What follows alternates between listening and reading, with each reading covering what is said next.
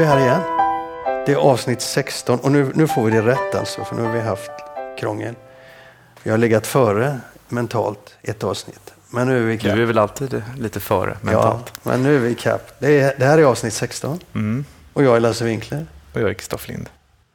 Och om ni inte har märkt det så har vi bytt eh, intromusik till eh, den här podden.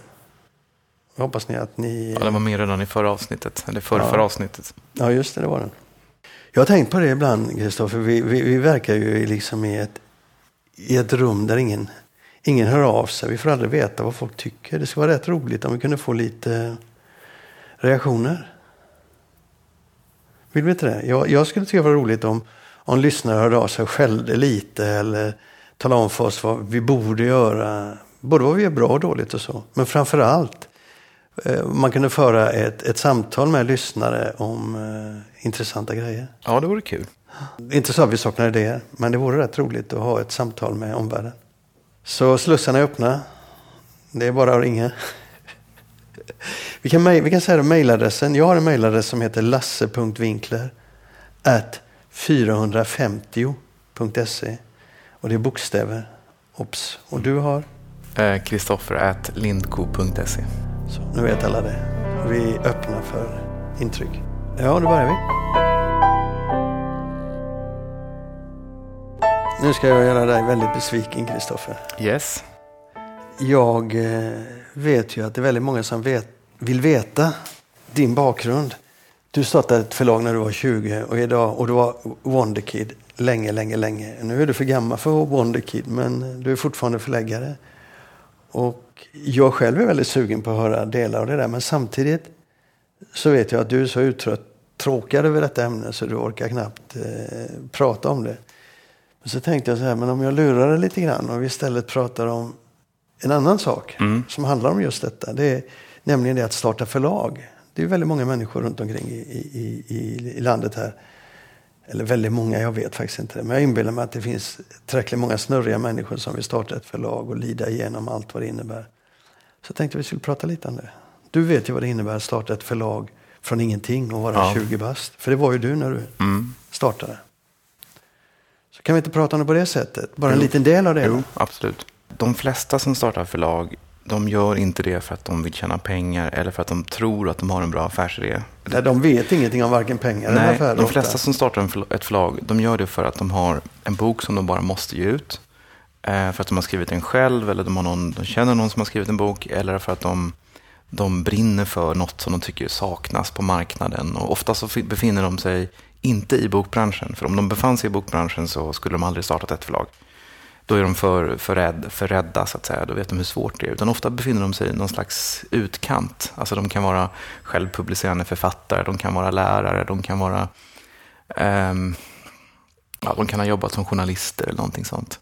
Men jag fatt, varför, varför gjorde du det? Det har jag aldrig fattat. Nej, men, eh, nej, men jag hörde till eh, den här kategorin kan man säga. En person som, som brann för böcker och tyckte det var fantastiskt roligt och kul. Och eh, började med en klassikerutgivning som jag tänkte att det liksom fanns en lucka. Och jag har nästan förträngt hur jag tänkte, men eh, jag, jag, precis som mm, de här som jag beskrev så kom jag ju från samma entusiastiska och, och, eh, och ganska okunniga och amatörmässiga bakgrund. Eh, jag var ju under några år ordförande i NOF, Nordiska oberoende förlagsförening, och det var väldigt roligt när vi hade årsmöten och sånt. För alla som, alla som var medlemmar där och alla som drev förlag kom från den här bakgrunden och var oftast brann för sin utgivning och hade oftast ganska stora kunskaper om det de gjorde men väldigt lite kunskaper om ekonomi, försäljning, marknadsföring. Och just därför så hade de oftast startat ett förlag. Jag kommer ihåg den här killen som hade fått ett arv. Det är många år sedan nu. Han jobbade på Akademibokhandeln i Göteborg. Wettergrens heter det då. Så han fått ett arv efter sin mamma. Och han kunde välja på att köpa en diskmaskin tror jag han sa. Eller eh, kylofrys eller vad det var. Eller ut Joe Lansdale. Och han älskade Joe Lansdale. Som en amerikansk författare. Då med, Så han gav ut det och sen så var arvet slut. Ja, han gav ut det. Och hyrde en liten obskyr, en monter på en obskyr plats på bokmässan i Göteborg. Och där stod han med sin bok. Och han var ju ändå bokhandelsmedhjälpare på Wettergren. Så han borde mm. ju liksom ha känt någonstans att man kommunicerar med folk här. Alltså jag tyckte det var så fruktansvärt sorgligt att se den här mannen med alla dessa drömmar och ge ut en sån bra bok. För jag älskar ju Jules dig själv. Och boken var jättebra.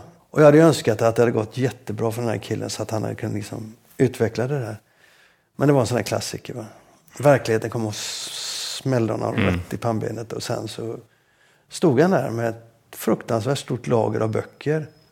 En bok han älskade. Det är så, det är så mentalt deprimerande bara att tänka tanken. Ja, och det är väldigt vanligt, att, trots att folk har lite erfarenhet av branschen, i det här fallet då som bokhandlare, så är det väldigt vanligt att man begår de där misstagen ändå. Ja, men hur ska man göra? Eh, ja, det finns ju ingen egentligen recept på vad man ska göra. Alla måste liksom hitta sin egen väg till framgång. Men jag Sant. tror att, jag tror att Eh, man... Alltså skulle jag startat ett förlag idag så skulle jag varit väldigt nischad. Nu hade jag kanske en idé om att jag skulle vara det inledningsvis, men man, jag skulle varit väldigt nischad. Det är otroligt svårt med bred utgivning. Ehm, man kan börja med en nisch och sen så kan man, sen så kan man utöka den så att säga. Och sen så, det är ju självklarheter som att man inte ska skaffa sig så stora kostnader. Men jag ser alldeles för många människor som, som uh, tappar sugen när de väl har börjat och inser hur svårt det är allting. De gillar inte marknadsföring, de gillar inte ekonomi. Nej, och där, och där finns det liksom två, två vägar att gå. Det ena är att säga att världen är dum. Um, jag har en briljant bok eller några briljanta böcker. Ingen fattar det. Eh, jag låser in mig i mitt rum och skriker att alla är idioter. Eller så anpassar man sig till världen. När jag var eh, ordförande i NOF så var väldigt mycket, eh, och fortfarande tror jag, väldigt mycket frågor handlar om avtalsvillkor. Ska vi verkligen gå med på de här villkoren till Adlibris och Akademibokhandeln? Ska det verkligen kosta så mycket att ha sina böcker hos förlagssystem? Och så försöker folk att kringgå det här. De distribuerar böckerna från garaget för att det kostar ingenting att ha dem stående där. Förlag som tar ju 67 kronor per pall och månad. Och eh, man skickar dem med posten och man, man vägrar rabatter och man vägrar returrätt och sådär. Att man inte riktigt... Och, då, och vad man gör då, det är att man aldrig ger sitt förlag någon chans för att man inte går med på de villkor som ändå är förutsättningen för att man ska komma in i kretsloppet. Så det är ju det, det är ju också väldigt vanligt. Alltså man måste på något sätt gilla läget, sätta upp fingret i luften och läsa av lite hur ser, hur ser verkligheten ut. Och det, och det är ju det som är charmigt och gulligt med många, många väldigt små förlag. Att de, att de drivs på det här idealistiska men också dilettant, dilettantiska sättet. Men, men eh, jag har lite mindre bra koll på småförlagen idag. Men eh, jag, jag, tror att NOF har nästan 200 medlemmar och att det tillkommer 20 om året och att det försvinner ungefär lika många. Ja, men de flesta av dem kommer ju ingen vart. Utan de, de, de blir ju den drömmen och de mm. blir den boken eller kanske två. Eh, det är inte så många som blir professionella förläggare. Nej, det är väldigt få. Alltså, vi har väldigt få professionella småförlag som omsätter sådär mellan 6 och 10 miljoner. Det är mycket, mycket ovanligt. Vilka var de första böckerna du gav ut? Det var en bok som hette det var Karl August Ehrensvärds Resa till Italien. Som var en samling... Eh, Essäer? Ja, kan man säga. Eh, och sen så var det alla möjliga böcker. Och det var väl också, det var några barnböcker och det var lite klassiker. Så det, var, det fanns ju en, en blandning redan från början. Men det var mycket, mycket klassiker. Och eh, den första boken som vi hade de största framgångarna med var faktiskt en citatbok som Leif Eriksson och jag gjorde som hette Världens elakaste citat. Men den kom ju inte direkt. Nej, den kom efter några år. Men det var ju, mitt förlag var ju som många då av de här absolut minsta förlagen som också är de mest oprofessionella förlagen. För det, mitt var ju verkligen det. Eh, det var ju som ett hobby, en hobbyverksamhet. Eh, första året kanske två, tre titlar och jag pluggade fortfarande så det var ju, en, det var ju inte ett professionellt drivet förlag. Och jag kunde ju verkligen ingenting. Den första boken som, som, som sålde bra, eller som verkligen, den sålde 60 000 ex, någonting sånt. Och det var liksom den första, första framgången. Var det den elaka citatet? Ja, det är klart att det fanns böcker som sålde bra innan. Men... Var det då det vände? Var det då du blev eh, Förläggare Nej, på heltid? Ja, då, då var jag redan förläggare på heltid. Så. Det, det var ju redan en professionell verksamhet, men det var ju kämpigt eh, ekonomiskt. Ehm, väldigt länge. Men när, när startade du? Det var två, eh, 1900? Jag kommer inte ihåg exakt. När var du 20? Det är ja, 1900, 1900 vad då? Ja, men ja, vilket väldigt vad du pressar mig här. Ja. Ja, nej, men strunt samma, jag kommer inte ihåg exakt. Ekonomiskt har det varit några hårda år? Ja, ja, absolut. Men jag brukar säga det till folk som startar förlaget. De sju första åren är värst. Nej, men det har jag, jag har haft det jättetufft. Det handlar väl också om att ha likviditet väldigt mycket? Ja, det handlar om likviditet. Men likviditet den är jätteviktig. Och förlagen har ju oftast dålig likviditet. Även när det går bra så, så kan de ha väldigt negativt kassaflöde. Så att likviditeten är absolut ett av de största problemen för alla nystartade förlag. Men du ska ju ha lönsamhet också. Alltså har du, om det går dåligt och du har, gör förluster, då är ju likviditeten riktigt illa. Om du tjänar pengar, då kan du också ha problem med likviditet. Men då kan du oftast lösa det med bankkrediter eller någonting sånt. För du har ändå en sund verksamhet. När på ett år är det som jobbigast att driva förlag? Du menar ur likviditet? Likviditetssynpunkt? Ja, nej, men det är ju så här, alltså det är slutet av året så brukar det vara tufft. Eller om man har, om man har, om man, den, likviditetscykeln är sådan att på hösten så är det väldigt mycket utgifter. Eh, I september, oktober så betalar man ut royaltyn och det är mycket pengar. Eh, Det är, royalty är ju vår största kostnad. Mm. Eh, Först kommer royalty, sen kommer, sen kommer tryck. Fast det är väl bra det? Höga royaltykostnader betyder hög försäljning. Ja, ja, kan göra det. Men först kommer royalty, sen kommer tryck, sen kommer distribution, sen kommer löner på fjärde plats.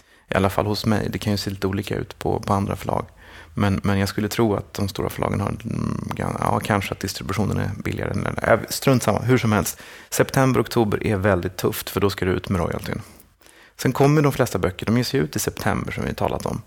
Och de trycks upp i augusti. Och då förfaller de där tryckerifakturorna med 60 dagar. Någon I gång oktober, i november. oktober, när du har betalat ut royaltyn. Sen har du väldigt långa kredittider till bokhandeln.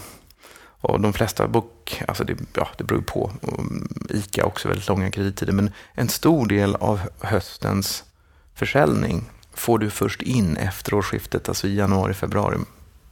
Så att i, i mars brukar likviditeten vara som allra bäst.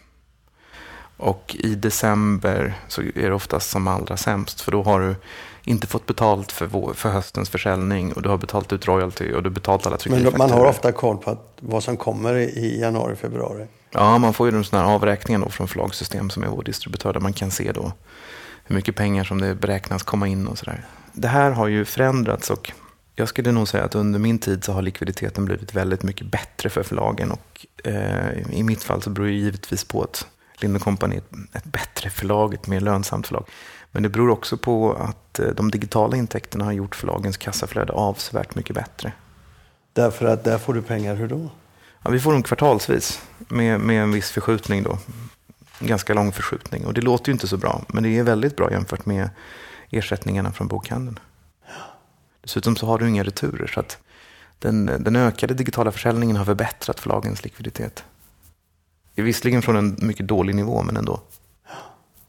Ja, men, men just du har ju haft en väldigt, väldigt bra, eh, stora framgångar med digitalutgivningen. Så att du har ju fått en, en, du har en rätt bra omsättning eh, på... Eh, är det något du vill prata om? Hur stor andel av din omsättning är digital? Ja, men jag har nog redan sagt det, så det är ingen hemlighet.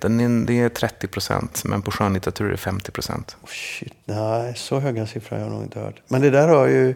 Det är bara de senaste åren som det riktigt har växt. Ja, så är det nu senaste året. Och det är en helt annan värld än för fem år sedan. Helt annan Ja, värld. ja. Det gör att du tittar på vilken typ av böcker kan, du om det sitter några bokhandlare och lyssnar nu och, och, och blir oroliga så kan jag väl säga att mina siffror är ju lite dopade.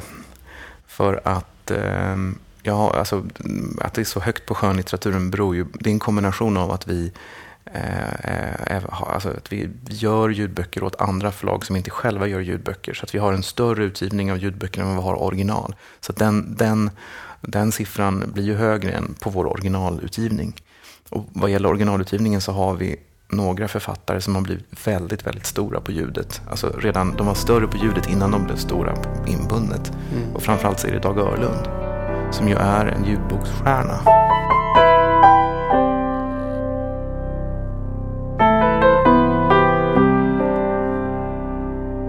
Ska vi snacka Finland. Jag kommer ihåg bokmässan i år. Finland var ju... Temaår, ja. Ja. Temaland. Och du hade ett par författare där. Två stycken. Ja, men jag Jag hade fler finska författare på utgiv- under, i utgivningen i år, men vi hade två besökare i Göteborg. Ja, och så hade du en, en, en eh, finlandssvensk eh, översättare också. Just det. Det var väldigt, just de samtalen Mm. var extra roliga för de var lite annorlunda. Och det var roligt att möta människor som kommer från en annan kultur på det sättet. Mm. Så jag njöt eh, oförställt. Men så slog det mig också, jag tänkte efter lite grann. Du har ett väldigt speciellt intresse för Finland och jag undrar varför har du det? Du har ju mycket böcker från Finland. Ja, jag vet inte om jag har ett specialintresse för Finland, men det, ju, det, började nog kanske med att vi har givit ut en hel del historisk litteratur om Finland, inte minst Finland under andra världskriget. Eh, och sen har det väl blivit lite mer, jag tycker det är kul att ha också finska skönlitterära författare, även om det är väldigt svårt.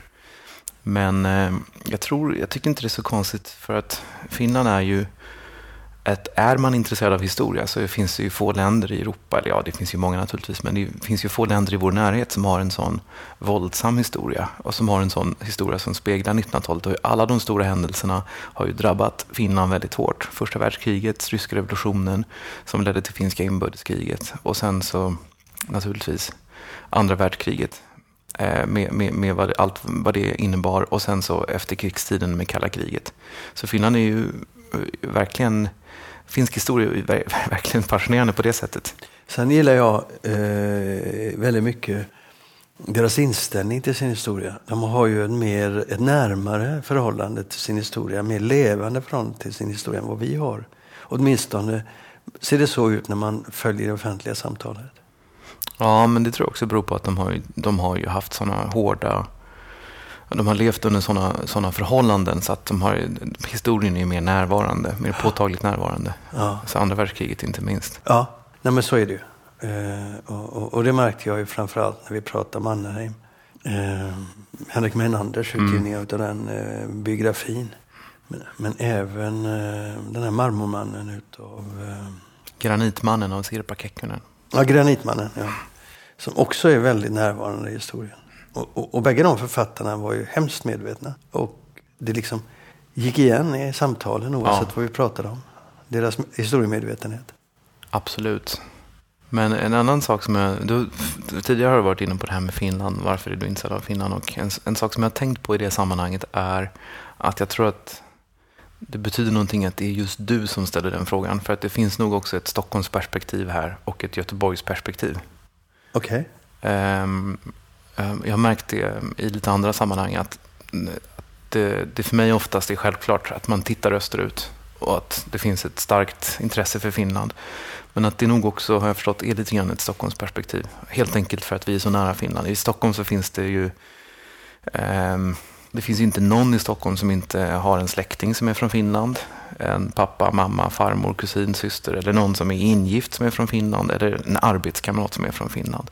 Alltså Finland är helt liksom närvarande i Stockholm på ett sätt som det inte är i Göteborg. För där är det mer självklart att det är Oslo och i Malmö och Köpenhamn. Nej, vill jag säga nej. Alltså, jag är ju uppvuxen med den stora finländska arbetskraftsinvandringen i min barndom så var det väldigt vanligt mm. med finländare och finlandssvenskar. Och estländare, väldigt mycket. Jugoslaver, italienare. Och just de grupperna kom ju jag att lära känna barnen, alltså de som barnen till, till invandrarna. Mm. Och jag minns hur det var då. Då fanns det jobb, då fanns det inga sådana hot. Utan alla var svenskar inom citationstecken. Eh, men även, även om man använde epitetet eh, från vilket land man kom på mm. i negativa sammanhang i en hel del situationer. Och det fanns en klasskiktning också såklart, men det, var helt, det fanns inga större mm. motsättningar. Mm, nej, nej, det är klart. Men jag tänker ändå på att det finns en närhet mellan Stockholm och Helsingfors. Och att Stock den är nog Stockholm, mer intellektuell än Stockholm, vad den är i Göteborg. Stockholm vände sig österut och, och, och ja. Sveriges ställningstagande under andra världskriget berodde nog väldigt mycket på att man, man, eh, man, man alltid uppfattat Finland som det som är oss närmast. Ja. Och att den, den, uppfattningen tror jag är rätt mycket ett Stockholmsperspektiv. Men jag tror att det är den intellektuella eh, ja. sidan av det hela. För den finns ju inte i Göteborg. Utan det var just arbetskraftsinvandring. Och där upplever jag en annan sak också. Det är att om det för 50 år sedan, kanske egentligen bara 20-30 år sedan, alltid har varit i utrikespolitiska sammanhang men också i liksom intellektuella och kulturella sammanhang alltid varit självklart att Finland kommer först. Um, av våra nordiska grannländer så upplever jag att det har skett också en, en förskjutning de senaste åren eh, där vi har närmat oss väldigt mycket Norge. Eh, och det är såklart språket som gör att det har blivit så.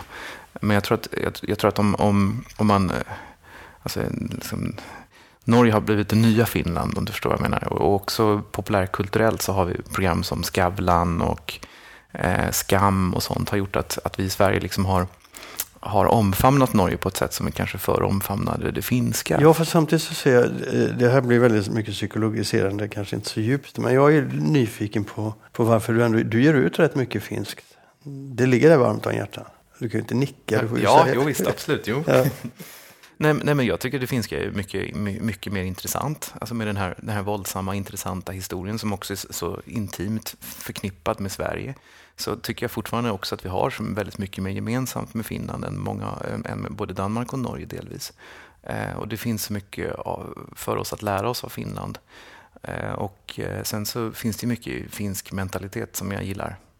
Ja, där är vi överens. Jag är ju väldigt förtjust i att besöka Finland. Just för att de har en... Här är jag ute på djupt vatten verkligen. Men jag tycker att liksom bildningsnivån, också i det offentliga samtalet, i, i, i- i vad man kommer åt, vad man ser och hör, så är bildningsnivån nivån högre och kunskap värderas mycket synligare än vad den gör i Sverige kan jag tycka. Det där är ju min, min absolut färgade Nej, men det har du säkert rätt i, men det tror jag också beror på att Finland är lite mer gammaldags. Det, Ja. I alla avseenden så är Finland lite mer eh, så som Sverige var förr. En annan sak med Finland är att Finland är ett väldigt bra land att göra affärer i. Varför? Eh, Det är så otroligt lite tjafs. Eh, Vi trycker mycket böcker. Finland har alltid tryckt mycket böcker på gamla Vesbokväll-tryckerier. De har sålts, sålts väldigt många gånger nu, så, där, så det är inte samma ägare som det var förut. Men det har alltid varit otroligt leveranssäkert. Så under alla år som vi har tryckt där så har det kanske hänt tre gånger att en bok har blivit försenad och då ringer chefen och säger att jag är hemskt ledsen men boken som skulle kommit på torsdag kommer först på måndag och sådär. Medan vi andra tryckerier så bara kommer böckerna när de kommer. Så det finns en oerhörd, eh, liksom, folk jobbar väldigt hårt. Du skriver inga avtal, man håller sitt ord. Det är väldigt smidigt sådär. Det har jag förstått även eh, eh, andra sammanhang att det är, det är bra att investera i Finland för det är ett ganska, det är ganska liksom enkelt, det är enkelt och rakt. Ja, det var ett, ett, ett, ett eh, inslag fullt av fördomar. För, för all del positiva fördomar, men dock. Vi var ju inte så mycket vetenskapligt belägg för allt det vi sa. Men, men det är lite roligt att prata om, om, Ja. om Finland. Och du, du, hur ser utgivningen ut nästa år? Rätt mycket finns det också. Nej, det är, vi har en bok av eh, Sirpa Kekkonen och sen så har vi den här Kalsarikärja. Kalsongboken. Kalsarisarja. Ja. Ja. Ja. Kalsongfylla, ja. Eh, Apropå fördomar. Ja. Eh, Men nej, annars är det ganska lite faktiskt. Det, det är bara Nej, de, det är, på vad heter, vad heter han, deckaren? Just det, vi har, precis, ja, vi har tre titlar så det får man väl ändå säga ganska mycket för att vara från Finland. Vi Ja. har ju även del två i Karelen Noir av Mikko Porvali. Ja, han påstår ju själv att den är mycket, mycket bättre än Ja, den första. Och jag jo. gillar den första. Jo, men där, bara det, apropå det här med, om man nu ska generalisera väldigt liksom, allmänt om finsk nationalkaraktär. Ja. Första gången du träffade honom och eh, var vi på crime time och han, han stod bredvid en hög av sina böcker och, och eh, du plockade upp den och då så säger han så här, ah, den är inte så jättebra.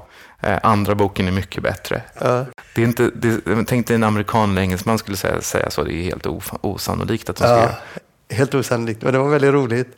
Det var liksom inget snack. Nu hade jag läst ettan så att då ser jag väldigt mycket fram emot tvåan Ja. såklart. Ja, detta om Finland. Men, men jag fick egentligen, eh, ja, lite svar fick jag på varför du är så förtjust i Finland.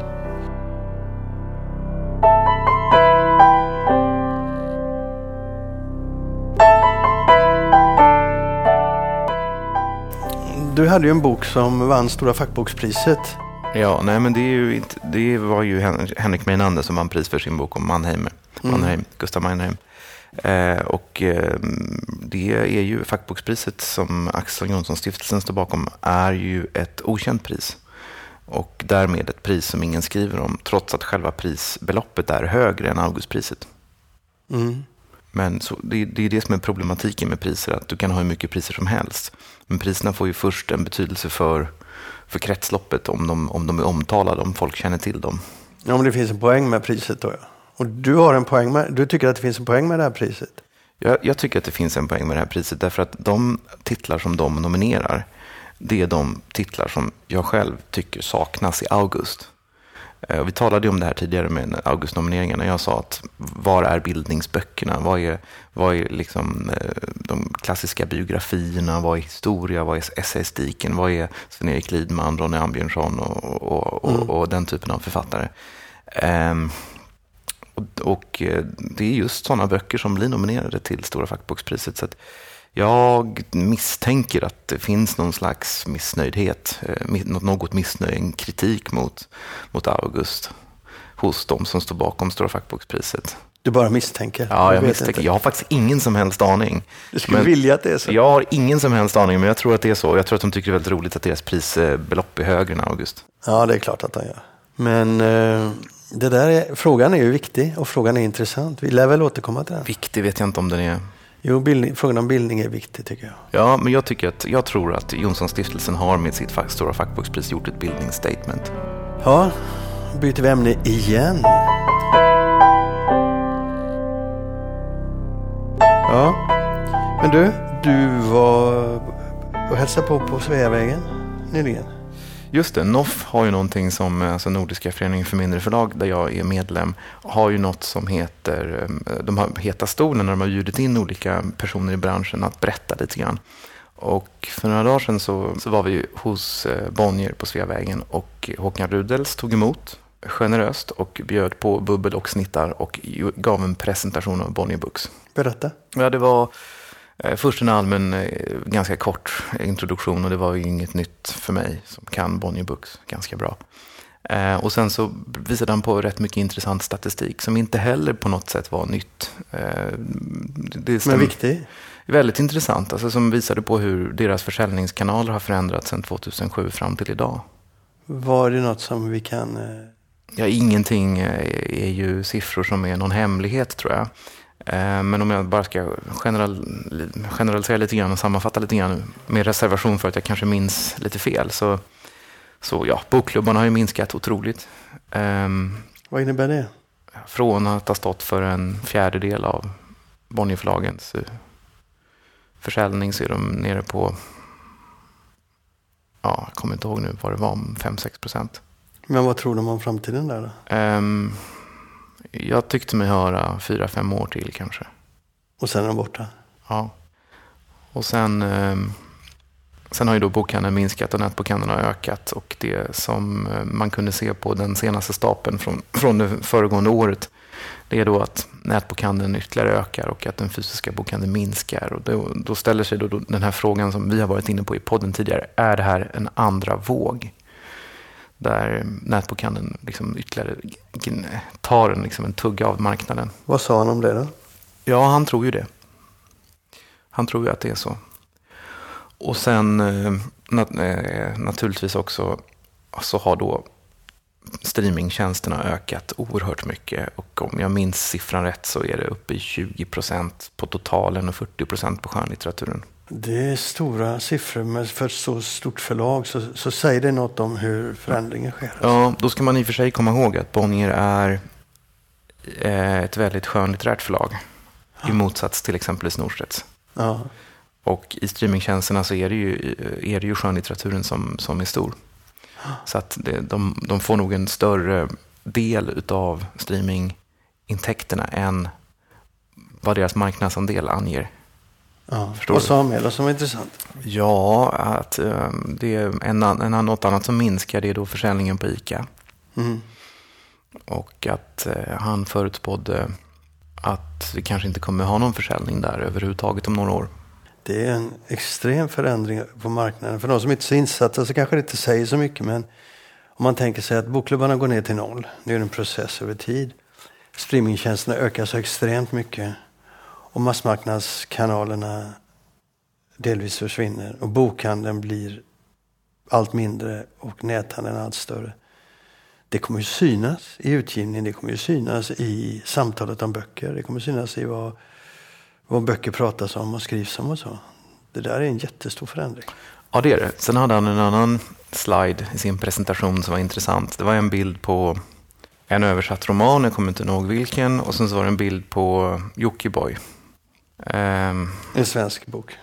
Mm, Monster.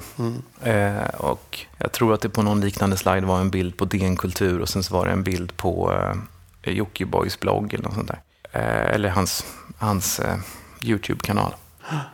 Och eh, nu använder jag ju mina egna ord och eh, han, eh, men vad han beskrev var bara att här har vi två världar som möts.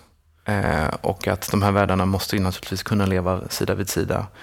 Eh, men att det här är ju för oss en utmaning. Nämligen. Och det här, har, det här har vi talat om också i, bok, i vår podd ganska mycket. Har vi varit inne på det här, eller jag har varit inne lite grann på det här kulturella kretsloppet. Som håller på att bli bara mindre och mindre och mindre och mindre. Ja, men du, du, du berättar om två stycken slides. Berätta nu konkret. Nej, men konkret att du har, du har en, en viss typ av utgivning som, som är naturligtvis är en stor del av ABs utgivning. Som, eh, Albert Bonniers utgivning. Alltså. Ja, som befinner sig i det kulturella kretsloppet och det minskar för varje år. Och sen har du en, en typ av utgivning som befinner sig i ett annat kretslopp, så något, liksom, sociala medier, eh, alltså sånt som är, som är nytt. Liksom. Eh, där Joakim Lundström, Jockiboi, är ju den främsta representanten och där, där eh, han har 800 000 följare och när han förhandssignerade så fick de 21 000 förhandsbeställningar. Eh, och att det är, det är helt enkelt en, en väldigt stor omställning, i synnerhet för ett så stort förlag och så, så anrikt förlag med så mycket och det, vad är det, för böcker vi och Det här är inte bara en, en fråga för Albert Bonniers förlag, det är en fråga för hela branschen. Så att säga. Att man, där har man två, två poler som möts. Så det var, det var vad du tog med dig? Nej, jag tog med, med mig fler saker tror jag. Men, men det var intressant, väldigt bra. Och han pratade väldigt öppet och eh, eh, sympatiskt och gav ett väldigt gott intryck. Ja, han är väldigt kunnig. Men ja. du, hur många var ni? Ja, vi var inte så många. Men det var ju några, det var ju Noff, några Noff-förlag. Märkligt. 200 medlemmar. Ja, man tycker och att det blir inte fler som... Man tycker att när Håkan Rudels bjuder in så borde det komma 200 personer, men det gjorde det inte. Ja, det säger nog mer om Noffs... Eh, alltså, jag förstår det inte. Hade jag varit Noff-medlem så hade jag... Det är ju en chans ja, ja, att få komma och lyssna på tänkte saker. också det där får man inte missa. Nej, men det gjorde de. Absoluta majoriteten fattar ingenting. Nej. Och stannar hemma. Fler som, lyssnar på, värdelöst. fler som lyssnar på podden. Garanterat många fler. En annan sak kanske som, som, jag, som Håkan tog upp, Håkan Rudels. Okej. Okay. Som ju är, är väldigt, också någonting som egentligen bara bekräftar resonemang som jag själv har och erfarenheter som jag själv har. Det är ju att hur man tänker kring de här olika formaten.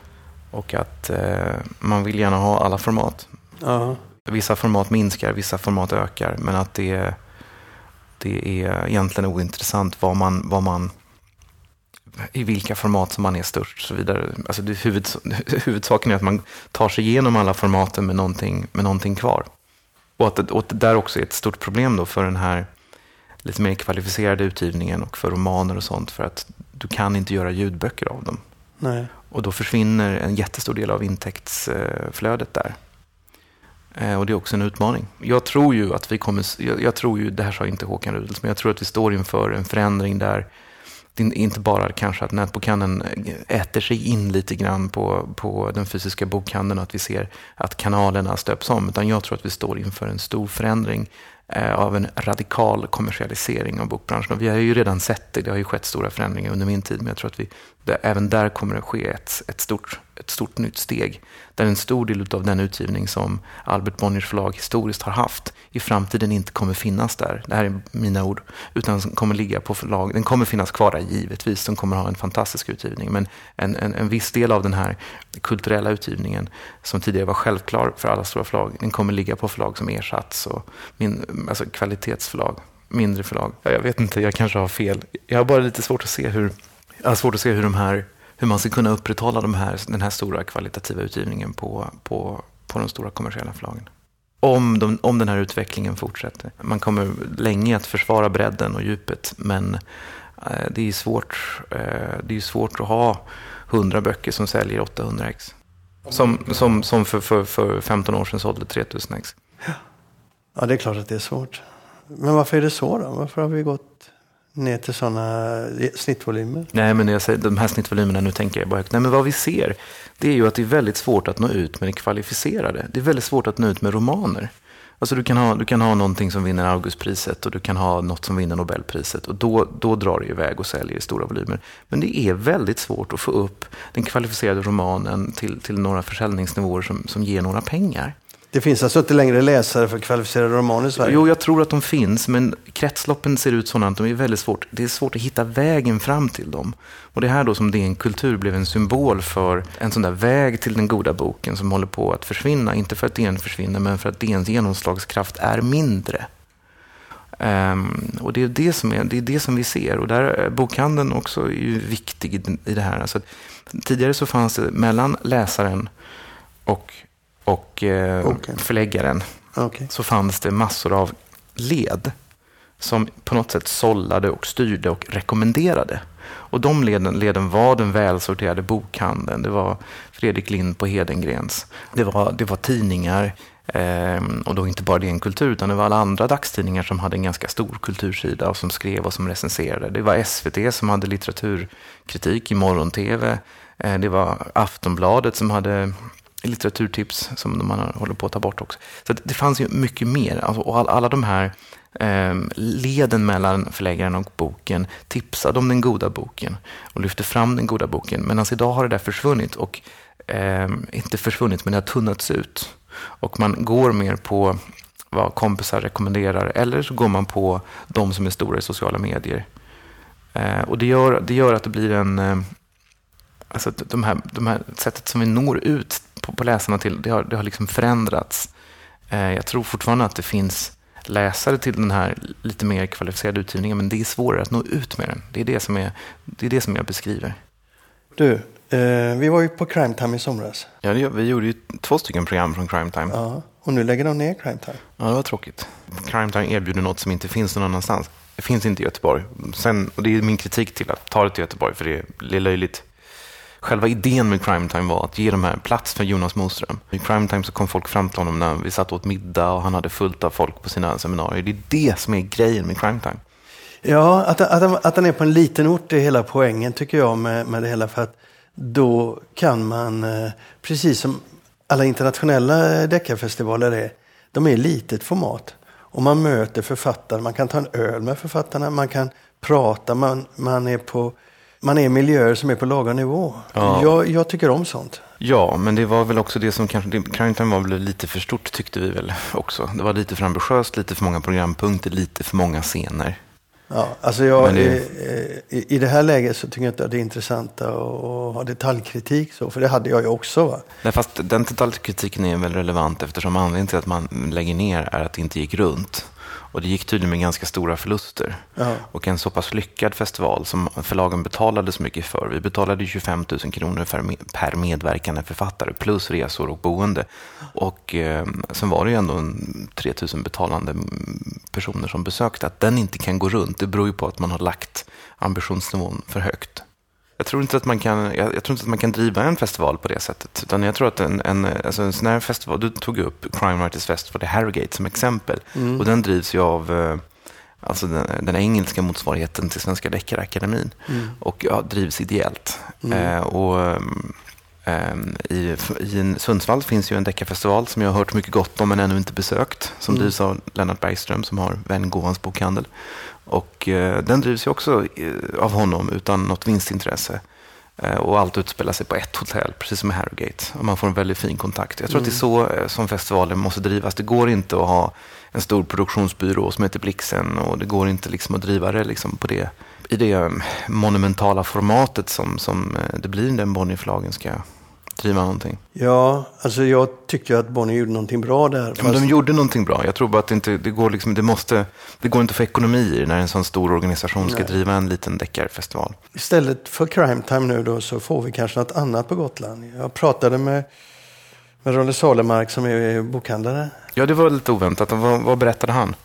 Jo, att nu kommer de att försöka starta ett mycket mindre format. Mm.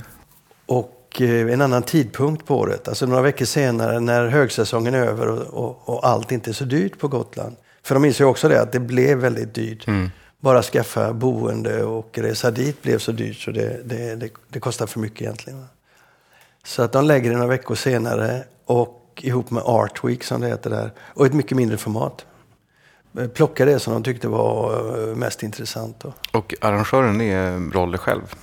Nej, det, det är nog eh, folk runt den här Art mm. Week, Rolle. Så tror jag författarinnan Anna Jansson också ska vara inblandad. Och var, de skulle fokusera mer på Gotlands författare? Eller? Ja, precis så. Um, så att det blir, det blir en fortsatt deckarfestival, men lite annat format. Ännu vet vi inte, någon av oss, hur det kommer att se ut, men Nej. vi kan hålla ögonen öppna. Sen eh, har det dykt upp ytterligare en festival och det är Pia Prins som har startat en deckar, eller vad säger en feel festival i Mariefred. Okej. Okay. Eh, den ska då äga rum i augusti och jag tror att det var den 4 augusti, men jag kommer inte ihåg exakt. Och det kommer vara på Mariefreds värdshus. Och det ska vara feel författare från Lind Company så kommer Marianne Cedervall och eh, Kristin Emilsson att medverka.